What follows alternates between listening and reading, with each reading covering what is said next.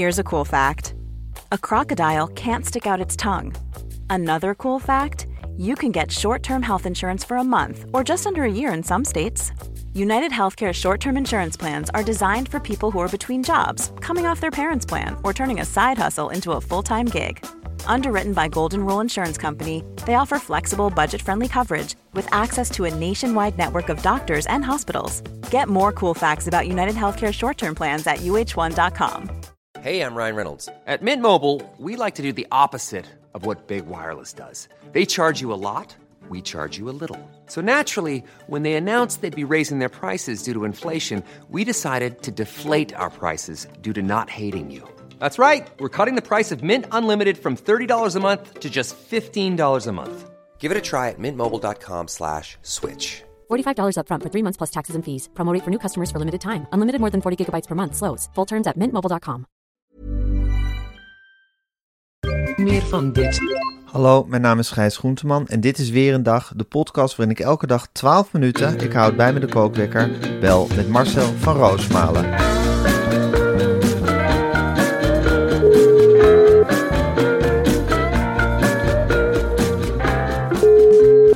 Ja, goedemorgen Marcel. Goedemorgen, Gijs. Goedemorgen Marcel. Wat is er gisteren een hoop gezegd over het rapport van Rijn? En wat valt er nog een hoop over te zeggen? Hè? Als we het allemaal goed hebben gelezen en tot ons hebben, op ons laten inwerken en hebben laten inzinken. Ik denk dat het heel veel blijvend gaat veranderen. Dat, dat weet ik wel 100% zeker, Gijs. Ik, Ja. Je mag gerust weten, ik stond gisteravond in, eh in theater in, eh, in Alkmaar. En eh, ik zat met mijn hoofd helemaal in dat rapport van Rijn. In de Ja. conclusies en wie wat ging zeggen en weet ik het allemaal niet. En na afloop ben ik eh, naar huis gegaan en gaan slapen. Ik heb er slecht van geslapen. Ik heb gewoon Ja. gedroomd over die commissie. En ik dacht, die armen van Rijn. Ja, Nu begrijp ik, weet je wel, wat, Lieve, wat lieve die Van wat Rijn. hebben we die toch ook kut behandeld eigenlijk Ja. met z'n allen. ja, Van eh, 2500 formulieren met ellende door moeten worstelen. ja, En ondertussen zit het hele land maar, eh, is het al af? Is het al af? Is het al af? Ja. Nou, zo is mijn vader ook jarenlang behandeld bij de Provinciale Staten. Is het al af? Is het al af? En dan denk ik nu van, jong, wat heb je een bovenmenselijke prestatie geleverd? Wat heb je veel in kaart gebracht? Goed en wat hè? is dat een rotwerk geweest om al die misstanden op een rijtje te zetten. En eh, ja, ik dacht ook bij mezelf, ja jongen, jij zit nu ook midden, midden in die mediawereld. En de commerciële zijn in feite geen haar beter hoor dan de publieke omroep. Die worden gewoon niet onderzocht. Maar Nee. ik denk de hele tijd bij mezelf, als ik het ergens niet mee eens ben. Ik spuug niemand in het gezicht. Nee. Ik trek niemand over de tafel. En ik zorg dat ik met zo min mogelijk mensen contact heb. Ja. Dat is dus waarom wij met een wij hebben natuurlijk onze redactie werken. van tirannie, hè? Tuurlijk. Ik weet niet of je mij met mijn verjaardag nog herinnert. Zeker. Ik bedoel, Dat- ik heb dat- niemand in het gezicht gespuugd, maar...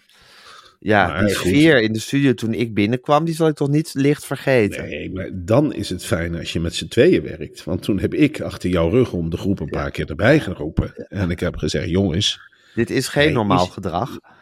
dit is geen normaal gedrag. Wij gaan dit op een rustig moment bepraten en uitpraten. Met Ja. Gijs erbij. Ja, Ik ga Gijs op Ja. dit moment neutraliseren en isoleren. Zet hapjes klaar in zijn kleedkamer. En toen hebben we die ook versierd met zakjes chips om je te lokken. En allemaal dingen die je lekker vond, buiten je weten om. We hebben een bedje Ja. klaargezet en dan ging je eigenlijk... Ja, vol automatisch ging je erin liggen. En voor je het wist, we hebben wat in je thee gedaan. Lag je in een hele, hele diepe slaap. En toen hebben we je vlak voor de uitzending wakker gemaakt. En na afloop, dan ga je toch weer op in die verjaardagsfeer. Toen vond je het keer helemaal niet meer erg om jarig te zijn. op Prima, en zo hebben we dat geneutraliseerd. Ja, Tuurlijk, dat doet jou goed. En, maar Ja. het is wel zo dat ik aantekeningen heb gemaakt. En dan gaan we daar binnenkort met z'n allen om zitten. En dan gaan we Ja. verbeterpunten bespreken. En zo doe je dat. En dan, Ja. dan kom jij. Voordat ze naar buiten lopen voor eventuele publicaties, kom jij met je excuses. Tenminste, dat ja want ik kan ook wel zeggen dat wij jou, natuurlijk eh, wel een van, een van de mediameiden op onze redactie hebben rondlopen. ja, En dat is natuurlijk ook een Ja. soort sensibility teacher geworden zelf. Hè? Dat is echt de Ja, stem. ik- eh, zij zijn echt de stem van, van, van de slachtoffers eigenlijk. Ik werk ook met eh, Van Roosmalen op reportage, zo heet dat, een reportageprogramma. Werk ik met ook een andere mediameid met Ja. eh, Tama Bot. Ja. En die, eh, ja, die kijkt ook kritisch mee. Hoe ga ik om met het team? En bij Ja. mij, eh en Groenteman, ja, dan word En dan krijgen we ook te horen als het niet goed is. Zeker. Dan, Ja. dan word je meteen, eh, dit kan niet, dat kan niet. En Ja. eh, Een ben ik loket wat je dan bij je hebt Het is niet zo, Gijs, dat wij twee printjes zijn die in het eh, moeten worden ingevet. Nee, ik, Oh, kan nee. Makkelijk, ik kan makkelijk mezelf mijn koffie halen. Ik kan mijn bord opruimen. Ik, Ja. kan, ik kan mijn tanden Ik voel poetsen. me niks te goed voor. Nee, ik vind het wel jammer dat ik die tijd dat het nog niet zo was, niet echt heb meegemaakt. Want het, het is natuurlijk ook, Ja. dat wordt nu vaak vergeten. Als je een talkshow presenteerde, waren de afgelopen twintig jaar een heerlijke tijd. Hè? Wat Ja. ik ervan begrijp, werd alles voor je geregeld. En eh, je lag in een eigen Ja, kamer. alles op, alles op bestelling. Alles op bestelling. Als je zin had Ja. in fruit, kwam er fruit. Ja. En die tijd is wel voorbij. Ja, die tijd is voorbij. Maar goed, we doen het ermee, Marcel. En we zijn ook gelukkig in deze tijd. En het allerfijnste is als je niemand schoffeert. Dat is fijn. En we hebben natuurlijk nu ook wel te maken met een duidelijke leiding bij Bien en Vara. Wat dacht je van Suzanne Kunstler? Ze, ze groeit in haar rol. Ze is nu echt een stem die tot het volk spreekt. Gisteren was ze Ja. op alle zenders was het te horen. En ik denk, ja, dit komt wel duidelijk over hoor. In die duizenden huizen, de, huiskamers waar ze zich geen kwaad bewust zijn. Er is wel een tegengeluid. Je krijgt wel te horen van tot hier en niet verder. En ze houdt het heel scherp in de gaten. Ja, ja, ja. ja. Dat zie je ook met de, aan de mensen met wie ze zich omringt. Ja, en van puffelen. Dat is iets heerlijks natuurlijk. Zo kan een man ook Goeieheid zelf, hè? Dat is de goeieheid zelf. Maar dat Ja. wordt hem opgelegd. En je bent goeieig en je blijft goeieig. Heb je dat begrepen, Remco? En je houdt het in de gaten. Je meldt iedere misstand. Ik wil iemand van de leiding bij ieder programma. Met fototoestel. En je legt het vast en ik wil het weten. Zijn er nog misstanden bij Van en Groenteman? Gaat dat goed? En Groenteman op zondag? Alles, alles kids? Nou, prima, en dat, zo gaat dat. Ja. Heb je het idee dat er misstanden zijn bij Van Roosmalen en Groenteman? Zijn er misstanden die we over het hoofd zien misschien? Ik wil zo graag gewezen worden op misstanden. Ja, nou, ik heb, ik heb de indruk dat het nu op dit moment goed gaat. En dan Nee, behalve valt, dan, Ja, het valt reuze mee. Behalve Ja. we vergaderen zo min mogelijk. Hè, dat is Ja. een van de regels die we eigenlijk Om excessen te zo min voorkomen. mogelijk- om excessen te voorkomen. We zonderen ons af. Dat is een hele goede maatregel geweest. We komen zo laat mogelijk. We evalueren niet. Dus dat zijn allemaal dingen die in ons voordeel spreken. Ja, we hebben eigenlijk heel weinig contact met anderen. Daar, daar Ja. komt het op neer. En onderling. Ja. We Nou, trekken ons bang terug is. op onze kleedkamer. En we zeggen ook, blijf hier weg, want voor je het weet is er een misstand. Ja, eh, en, Je eh, bent toch gespannen voor zo'n uitzending. Tuurlijk, en je bent heel Ja. gespannen en je banjert wat rond. En dan wordt er af en toe op de deur geklopt van mogen we wat vragen. En dan heb ik zoiets, kan het ook per app? Kan het ook per mail? En doe het dan op die manier. Om zo min mogelijk contact eh, te hebben. Ja, met een app is er tenminste ook een paper trail, hè? Dan kan je tenminste nog terugzien wat je allemaal fout hebt gedaan. Ja, en dan kun je, dan kun je achteraf eh, kun je dan een duimpje opsteken of een fotootje maken het appje van was niet snauwerig bedoeld. Had gewoon precies. trek in nog een stuk pizza. Ja, ja. Geen bevel volgende hoor. keer beter. Ja, geen bevel hoor. Of Nee. vond, vond de zelfgemaakte wel lekker. Ja, En al die Nou, goed. verjaardagen. we gaan kijken hoe het, eh, hoe het eh, rapport van Rijn nog na zal galmen in Hilversum. We zitten er bovenop, dus we kunnen het goed in de gaten houden. Ik heb nu hier gewoon een bak met nieuwtjes klaarstaan, die ik heel graag met je door wil nemen. Dus ik ga de kookwekker zetten en hij loopt. Het gebeurt steeds vaker, stond er eh, gisteren op nu.nl, dat als er afgerekend wordt dat mensen niet hun portemonnee tevoorschijn halen om de pinpas te pakken of, of eh, wat papiergeld, maar de telefoon om daarmee te, te pinnen. Echt een nieuwe trend, heeft nu.nl gesignaleerd. Ja, nu.nl zit er wat dat betreft bovenop. Je hebt, je hebt het nog niet in de gaten. Ja. Of nu.nl ja, publiceert er al over. Ja. Ehm, ik vond dat ze hier scherp met een leuke illustratie bovenop zaten. Ja, het is inderdaad een trend dat steeds minder mensen met een portemonnee op pad Ja. gaan. En ze hebben genoeg Ja. aan een telefoon. Verbazingwekkend. Ja. Een gekke trend. Of een horloge heen? Je hebt nu al die trend ook met de... Ja, een horloge. En binnenkort krijg je de eerste mensen met een laserchipje hè, in het oog. En dan hoef je alleen nog maar naar de kassa te kijken en je hebt al betaald. Ja. Ik weet eerlijk gezegd niet of ik dat nog wil meemaken. Of het niet allemaal veel te snel gaat. Want dan ben ik ook bang om mensen aan te gaan kijken. Maak ik dan geld aan jou over als ik oogcontact maak? Van dat soort dingen Ja. ben ik bang. Maar tegelijkertijd, ja, de mensen vroeger waren bijvoorbeeld bang. Mijn moeder zei van, och, wij waren als kind zo bang voor papiergeld. Kun je je nou niet meer voorstellen? Ik zeg, mama, waarom dan? Ja, dat was een plaatje, dat was een velletje, is daar echt op waard. Er staat gewoon maar een bedrag op. Nou, zo zijn ze opgegroeid in de tijd van de halve centen. En die moest in één keer dealen met papiergeld vlak voor de oorlog. Ja. Iets geks. En in die tijd zitten we nu weer. Ook heel modern toen eigenlijk, hè? Ja, Ja. het is heel modern. Het is heel Ja. modern toen geweest om papiergeld eh, in te voeren. Er staat trouwens ook op nu.nl dat nog 20% van de betalingen cash wordt gedaan. Wie zou dat dan zijn? Ja, Het zwart percentage is al jaren hetzelfde.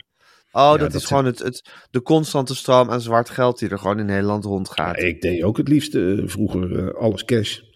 Maar goed, wij zaten in een branche, Gijs. In de journalistiek was dat totaal niet gebruikelijk. Ik, in het begin heb ik dat wel gevraagd. Dan vroeg ik bij NRC, kan het ook cash?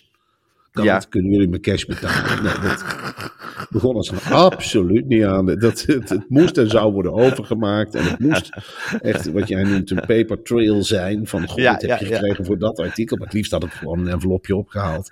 Daar heb ik het liefst. En dan, eh, ja, dan ga je met die zak geld ja, in je broekzak ga je op Het pad. liefst kom je eigenlijk gewoon met een vel volgetikt papier aanzetten op een redactie.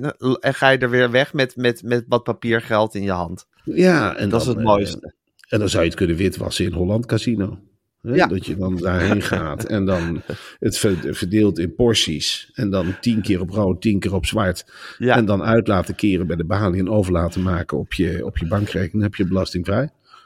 En dat was de grote truc. Ja. Maar goed, dat ging al heel snel niet meer in de journalistiek. Journalisten hebben toch, en dat is ook wel te prijzen hoor, die hebben toch zoiets. Ik wil het liefst Roomser dan de paus, hè? Roomser dan de paus, een schoon blazoen, Ja. andere wijzen op fouten. Onderzoeken, Ja. het is eigenlijk helemaal niet zo'n sympathieke beroepsgroep waar wij in verkeren hoor. Onderzoeken wat Nee. niet klopt. Heel erg Zeker niet voor iemand als jij, want jij haat Rijn. bedweters. Ja, maar het is toch allemaal elkaar pootje lichten. Van bij ons klopt het niet, maar bij ons klopt het ook niet. En die huppakee, huppakee, dat zijn journalisten. En elkaar inderdaad wijzen van ja, maar die regel is toen en toen al veranderd. En je zult eigenlijk ook maar bestuurder zijn ergens. Dan komt er weer zo'n vervelende journalist zeggen dat je een fout hebt gemaakt. Heel vervelend. Ja, irritant. Maar goed, er zijn ook over-. Ja, je hebt nu over Hans Nijhuis, of Ja. niet? Ja. Hans Nijhuis had een paar dagen geleden een prachtige scoop Ja. in het AD. Ja. Dat er echt een paspoortaanvraag piek aandreigt te komen. Dat als mensen op vakantie willen, dat ze een nieuw paspoort gaan aanvragen. En dat kan wel eens de, het gemeentelijke apparaat helemaal gaan overbelasten. Mhm. En nu is er bij Nederlanders die in het buitenland wonen ook al een lichte paniek aan het ontstaan over deze paspoortpiek. En Hans Nijhuis zit daar bovenop, hè Marcel? Ja, dat is een rupsje nooit genoeg. Als hij een scoop heeft, is het ook echt zijn scoop. Hij heeft bij het AD gezegd, ja, dan luisteren ze op dit moment allemaal naar Angela de Jong met het rapport van Rijn. En daar Ja. is hij ontzettend boos over dat zijn scoop eigenlijk verdwijnt onder de veel kleinere scoop met iets wat we woorden van Hans Nijhuis eigenlijk al wisten. Hij heeft wat nieuws ontdekt, de paspoortpiek.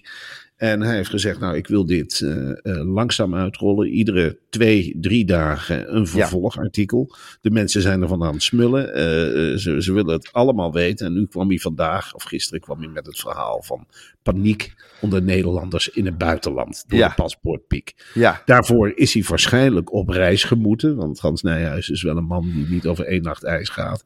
En dan vreet hij zich helemaal vol met kennis. En dan zet hij al die misstanden op een rij.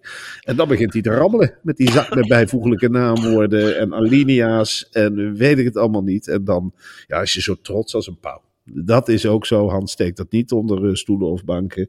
Die twittert dat rond. En die, die gaat naar Renny Rijpsma. En die zegt van... Zullen we dat artikel over die paspoortpiek... Die is een beetje mooier aankeilen? Daar hebben we een scoop. Een internationale scoop vanuit Brussel. De rest had niks. Ik zat ze de ogen uit te steken. Ik had het als eerste. Ja, dan krijgt hij ook die lof toegezwaaid. Zo moet je met zo'n man omgaan. hè. Het is de spits van je elftal. Dus iedereen Ja. bij dat AD zegt... moet je hem ballen geven. Hele mooie scoop, Hans. Die moet je de ballen geven. Ik had het niet gekund. Jongen, jongen, we hebben nieuws uit Brussel. Dat is ook iets nieuws bij het AD. Hè? Nieuws uit het buitenland. Wij, ja, ja, Hans zit er weer bovenop.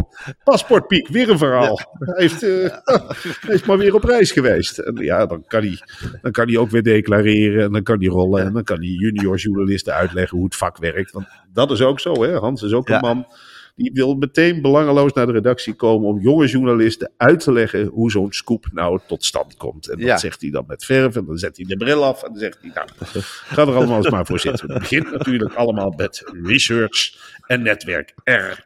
En dan zet hij een grote R op een paper en. Dan zegt hij research, wat is dat eigenlijk? Nou ja, het moet in je zitten en dat vertelt hij dan. En netwerk, nou ja goed, ik heb jarenlang allerlei journalisten. Ik ben dus een van die journalisten die niet meteen ladderzat wordt op een borreltje. Maar ik geef iedereen eerst een hand voor ik een borreltje drink. En ik vraag, wat doe jij? En kunnen wij elkaar misschien helpen? En zo komt zo'n scoop tot stand. Dan rol je die als het ware uit.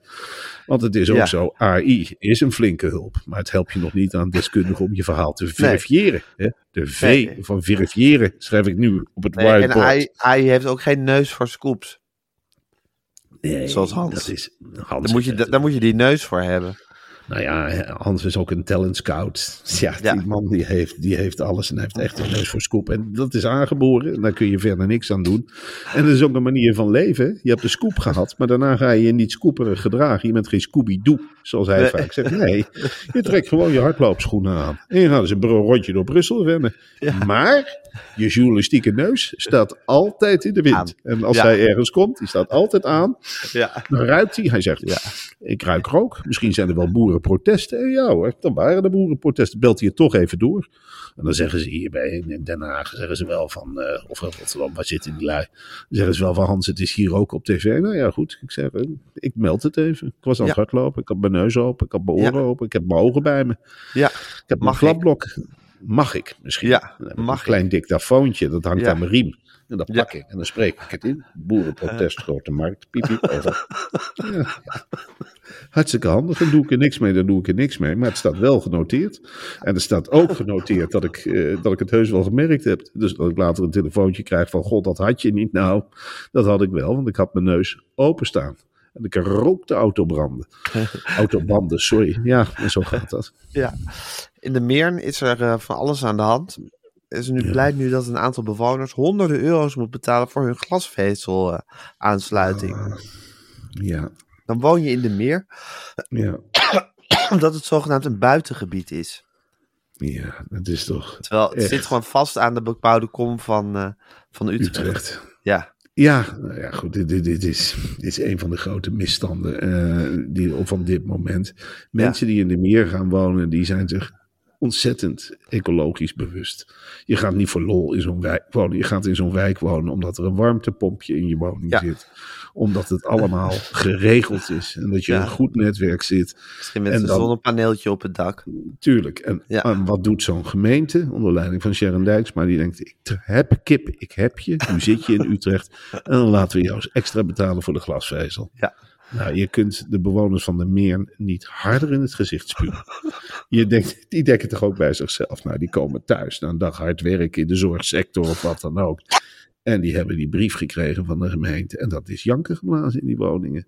Ja. Die zeggen, maar wat is dit nou? We leven volgens de regels. Dan krijgen we zo'n glasvezelrekening. Ja, Zo jut je een brave bevolkingsgroep als overheid tegen je in het harnas. Ja. Zo, hè, zo gaan de stemmen naar zo de maak je kapot wat je met elkaar hebt opgebouwd. Ja, probeer maar eens Ja. te bellen over een te hoge glasvezelrekening. En dan, wie Mhm. krijg je aan de lijn als je überhaupt iemand aan de lijn krijgt? Ja. Of je kunt gaan internetten op zoek naar de juiste woordvoerder. En dan ben je honderden euro's verder, omdat glasvezel daar ontzettend duur is. Ja, Dus zo worden die mensen gepakt. Ik leef mee met de inwoners van de Meer. En ik heb echt zoiets, joh, mijn hart staat voor jullie open. Ik kan niks voor jullie doen. Jullie zitten als ratten in de val. ja, Glasvezel zal daar niet goedkoper worden. Nee. Dat is de gemeente Utrecht. Die zullen je uitkleden waar je bij staat. ja. Dat is die rekening die je betaalt. Maar vergeten zullen jullie het niet. En mijn support hebben jullie. Ja, ja. Nou, hoop dat het goed komt. Een ander nieuwtje uit Utrecht. Er staan altijd heel veel fietsen geparkeerd in en om Tivoli Vredenburg. Popcentrum, klassieke muziekzaal. Eh, daar moet paal en perk aangesteld worden. Die fietsen moeten daar weg. Dat wordt nog een hele kluif. Ja, het wordt een hele kluif. En ik, ik zeg zo vaak eh, tegen de mensen, als je naar Tivoli Vredenburg gaat, neem de auto. Wat is het nou een kleine moeite? Ga met z'n allen met de auto en parkeer dat ding in de parkeergarage. Daar heeft niemand er last van. Nee. Alsjeblieft mensen, kom gewoon met de auto of met Ja. de taxi. Of Ja. desnoods, je hebt van die hele snelle snorfietsen. Neem die. En dan heb je dat probleem niet. Nu is het die ecologische fietskluit die er ligt. Je kunt je fiets niet meer vinden. En is net een plaag. van- het is een enorme plaag. En het zijn die, die, die linksige studenten, die, die allemaal maar in die alternatieve kledingen met die blauwe haren, dan gaan ze weer naar Tivoli. En dan hebben ze zoiets. Ze zien dat Tivoli en ze denken: Weet je wat, ik flikker de fiets gewoon op straat. Of ik zet het tegen een paal Ja. waar er toch al honderd staan. En dan krijg je een grote Ja. warboel. En de gewone burgers die ergeren zich daar rot aan. Die zien Ja. dat die mooie poptempel daar liggen. En ze kunnen hem soms amper meer zien vanwege de berg fietsen. En die zeggen Ja. tegen elkaar: wat is dat een rotzooitje zeg. Ja, Bah, bah, bah, onze mooie stad. Wat wordt die toch geplaagd door fietsers. Door En door fietsbergen. en dat wordt vaak zo onderschat, hè? Wat voor overlast die fietsen geven. Nou, is je dus zo hebt leuk wandelaars, fietsen. Ja, Absoluut niet. Je hebt wandelaars die eromheen moeten lopen. Zover is het ondertussen. Die zien, nou, dan moet ik weer opzij. Ik ben in een rechte streep van A naar B aan het lopen. Ho, een fietsberg. Dan moet ik weer eens opzij. En dat kost een energie. En je raakt gedesoriënteerd. ja. Je moet opletten. Eh, Telefoons geven het ook niet aan. Pas op, fietsberg. Nee hoor, dat geeft gewoon een rechte streep aan. Maar in werkelijkheid moet je er helemaal omheen. Het is ook een onfris gezicht. Het is ook een hoop gerammel s'avonds. Buurbewoners die, die willen vroeg naar bed, die willen een dutje doen. En dan ja, komen ze terug, vaak aangeschoten. Of ze hebben een biertje op. Of ze hebben een mooi concert meegemaakt. En lawaaier natuurlijk, napratend voor- Ja. op straat. ja. En dan dat gesprek. Waar ligt mijn fiets? Zeker Ja. onderaan de berg. En kletterde, kletterde, kletter. Alle andere fietsen worden opzij gegooid. Als ze hun eigen fiets maar hebben. En dan is het het gerammel met de sloten. Ja, het is eh, op die manier ontwricht je een samenleving op een manier dat je denkt van ja, dan moeten de theaters misschien wel dicht of de poppodia. En dat kan toch Ja. niet de bedoeling zijn? Dat kan niet de bedoeling zijn dat we theaters moeten gaan sluiten omdat er te veel fietsen omheen staan. Nee. Ten slotte maar we verwelkomen Pia Dijkstra terug in de Nederlandse politiek. Ja. Ernst Kuipers is nog altijd achter zijn mysterybaan aan het aanjagen, maar eh, Pia Dijkstra gaat hem opvolgen. Wat een carrière heeft die vrouw toch gemaakt. Van nieuwslezeres naar bevlogen Kamerlid. Ja, en dan nu dit. Eh, eindelijk de bekroning. Minister. Minister. Ja, eh, Minister Dijkstra. Minister Dijkstra. En reken maar dat ze zit te broeien en te gloeien van trots. Ja, Dit is waar ze al die jaren in stilte aan eh, heeft gewerkt. Want het is een bescheiden vrouw, hè? zeker. Oh, Echt een leerling van Alexander, hè? Ja, echt Ja, een hele helemaal groot gemaakt door Alexander. Alexander zei ze zat vooraan in het klasje, maar je had nooit last van haar. Pia zat Nee. altijd op te letten, maakte haar huiswerk, stelde vragen die ertoe deden. Er is ook geen relletje te vinden met Pia Dijkstra dat haar in discrediet brengt. Een braaf Kamerlid, een goed Kamerlid en een gedegen minister. Die gaat helemaal niks geks doen in Den Haag. Die gaat gewoon ieder rapport lezen en een heel verstandig besluit nemen. Daar is zij voor in de wieg gelegd. En ondertussen, en dat mag er ook heus wel eens uit, bloeit en bloeit ze en broeit ze van blijdschap. Ze kan die blijdschap niet kwijt. Dat wordt in dit, ja, in dit gesternte wordt dat helemaal niet op prijs gesteld. Maar het liefst, ah, als ze thuis komt, dan staat ze af en toe voor die spiegel en zegt ze, ik ben Pia en ik ben minister. ik ben Pia en ik ben minister. I did it. I did it. Ah, en ik hoef geen Oprah Winfrey te worden, maar ik ben wel minister. Hoe kort het ook duurt, dat zet ik op mijn cv. Reken maar dat ik dat op mijn cv zet. En wie weet wat ik hierna nog word. Ja. En als ze buiten de deur komt, is het gewoon dat bescheiden glimlachje. En dan zegt ze dingen als, eerst maar eens aan het werk gaan. En dat soort dingen. Ze weet hoe ze met de pers moet omgaan, natuurlijk als oud nieuwslezeres. En dan Ja, denk ze ik, kent de pers van dat- Haver tot Gort. Ze weet het, ze weet het gewoon hoe ze daarmee om Ja. moet gaan. Heel Ja. slim. Ze weet de Ja. noodweggetjes. Ze weet hoe ze Jair moet ontlopen. Ze weet hoe ze hem moet bedreigen. Ja. Nu niet Jair. Ja, Over een paar maanden terugkomen bij geen Caroline. nee. En dat straalt ze heel goed uit. En Ja. Een goede keus van Rutte. Ja, in zijn nadagen plukt hij toch echt de beste appeltjes nog even Ik denk de dat boom. Alexander hier ook achter zit, hoor. Tuurlijk, Alexander heeft Ja. gebeld. Die Ja. heeft gebeld met Rutte en die heeft gezegd: Mark, luister. Als je iemand neemt van D66, neem dan Pia. In godsnaam neem Pia. Die is gedegen. Daar kun je, kun je geen buil aan vallen. hey, en eh, weet jij wat Ernst Kuipers gaat doen? Wat nou die nieuwe baan van hem wordt? Nee, ik wil het ook niet weten. Belangrijke buitenlandse baan. Maar je hebt daar ook Mm. geen informatie over. Ik kan nou iets belangrijks in het buitenland. Kan niet anders. Ja, hij, hij zal wel iets bij de Verenigde Naties gaan doen. Iets met de ziekenhuisbedden voor de Verenigde Naties. Hij was Ja, een specialist in hoe de ziekenhuisbedden verdeeld werden in Nederland.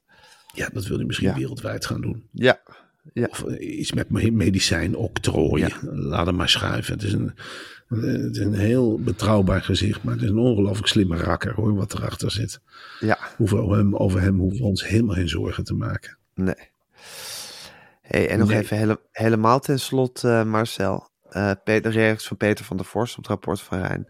Hij zegt, Ja. als iemand, iemand, iemand, iemand iets van deze affaire heeft geleerd, dan is het Matthijs.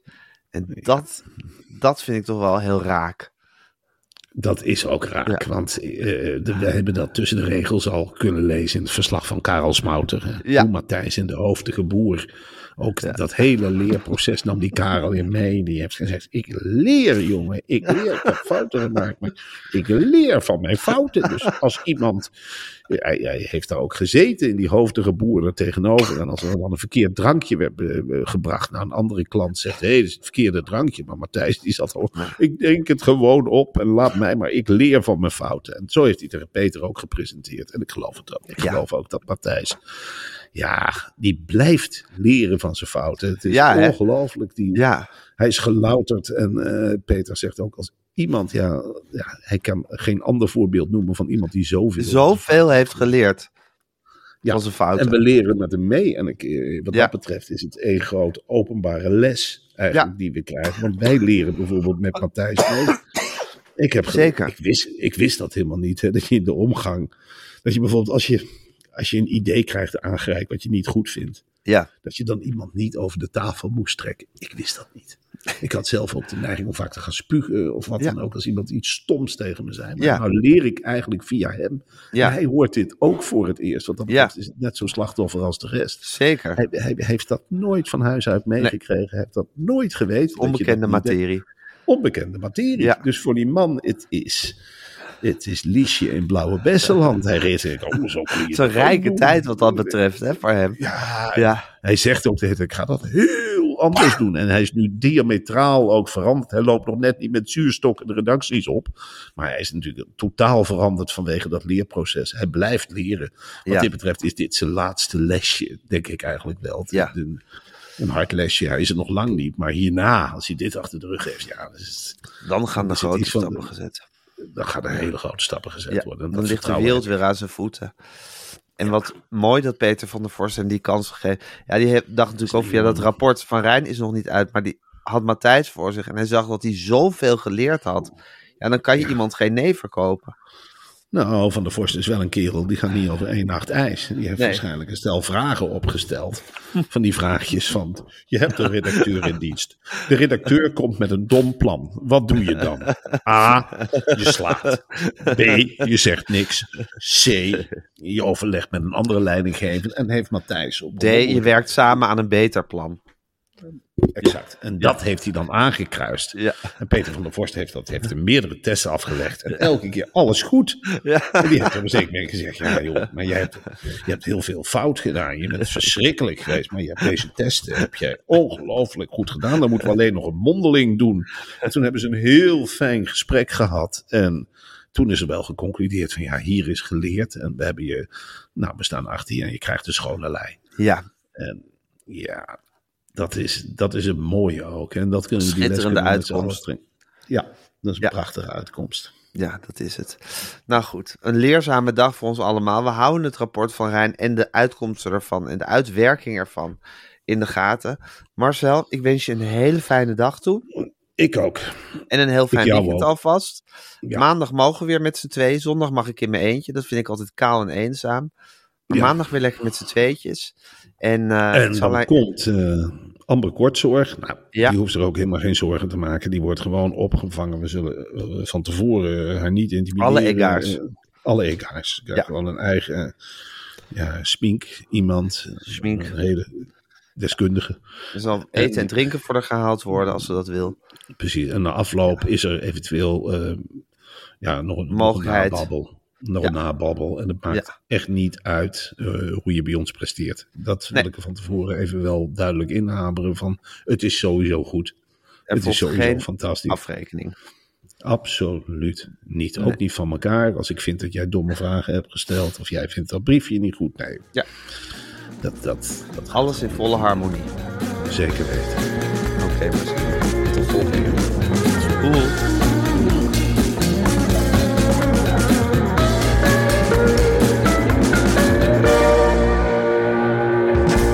Wil je adverteren in deze podcast? Stuur dan een mailtje naar info@meervandit.nl. Meer van dit. Even when we're on a budget, we still deserve nice things. Quince is a place to scoop up stunning high-end goods for 50 to 80% less than similar brands. They have buttery soft cashmere sweaters starting at $50, luxurious Italian leather bags, and so much more. Plus, Quince only works with factories that use safe, ethical, and responsible manufacturing. Get the high-end goods you'll love without the high price tag with Quince.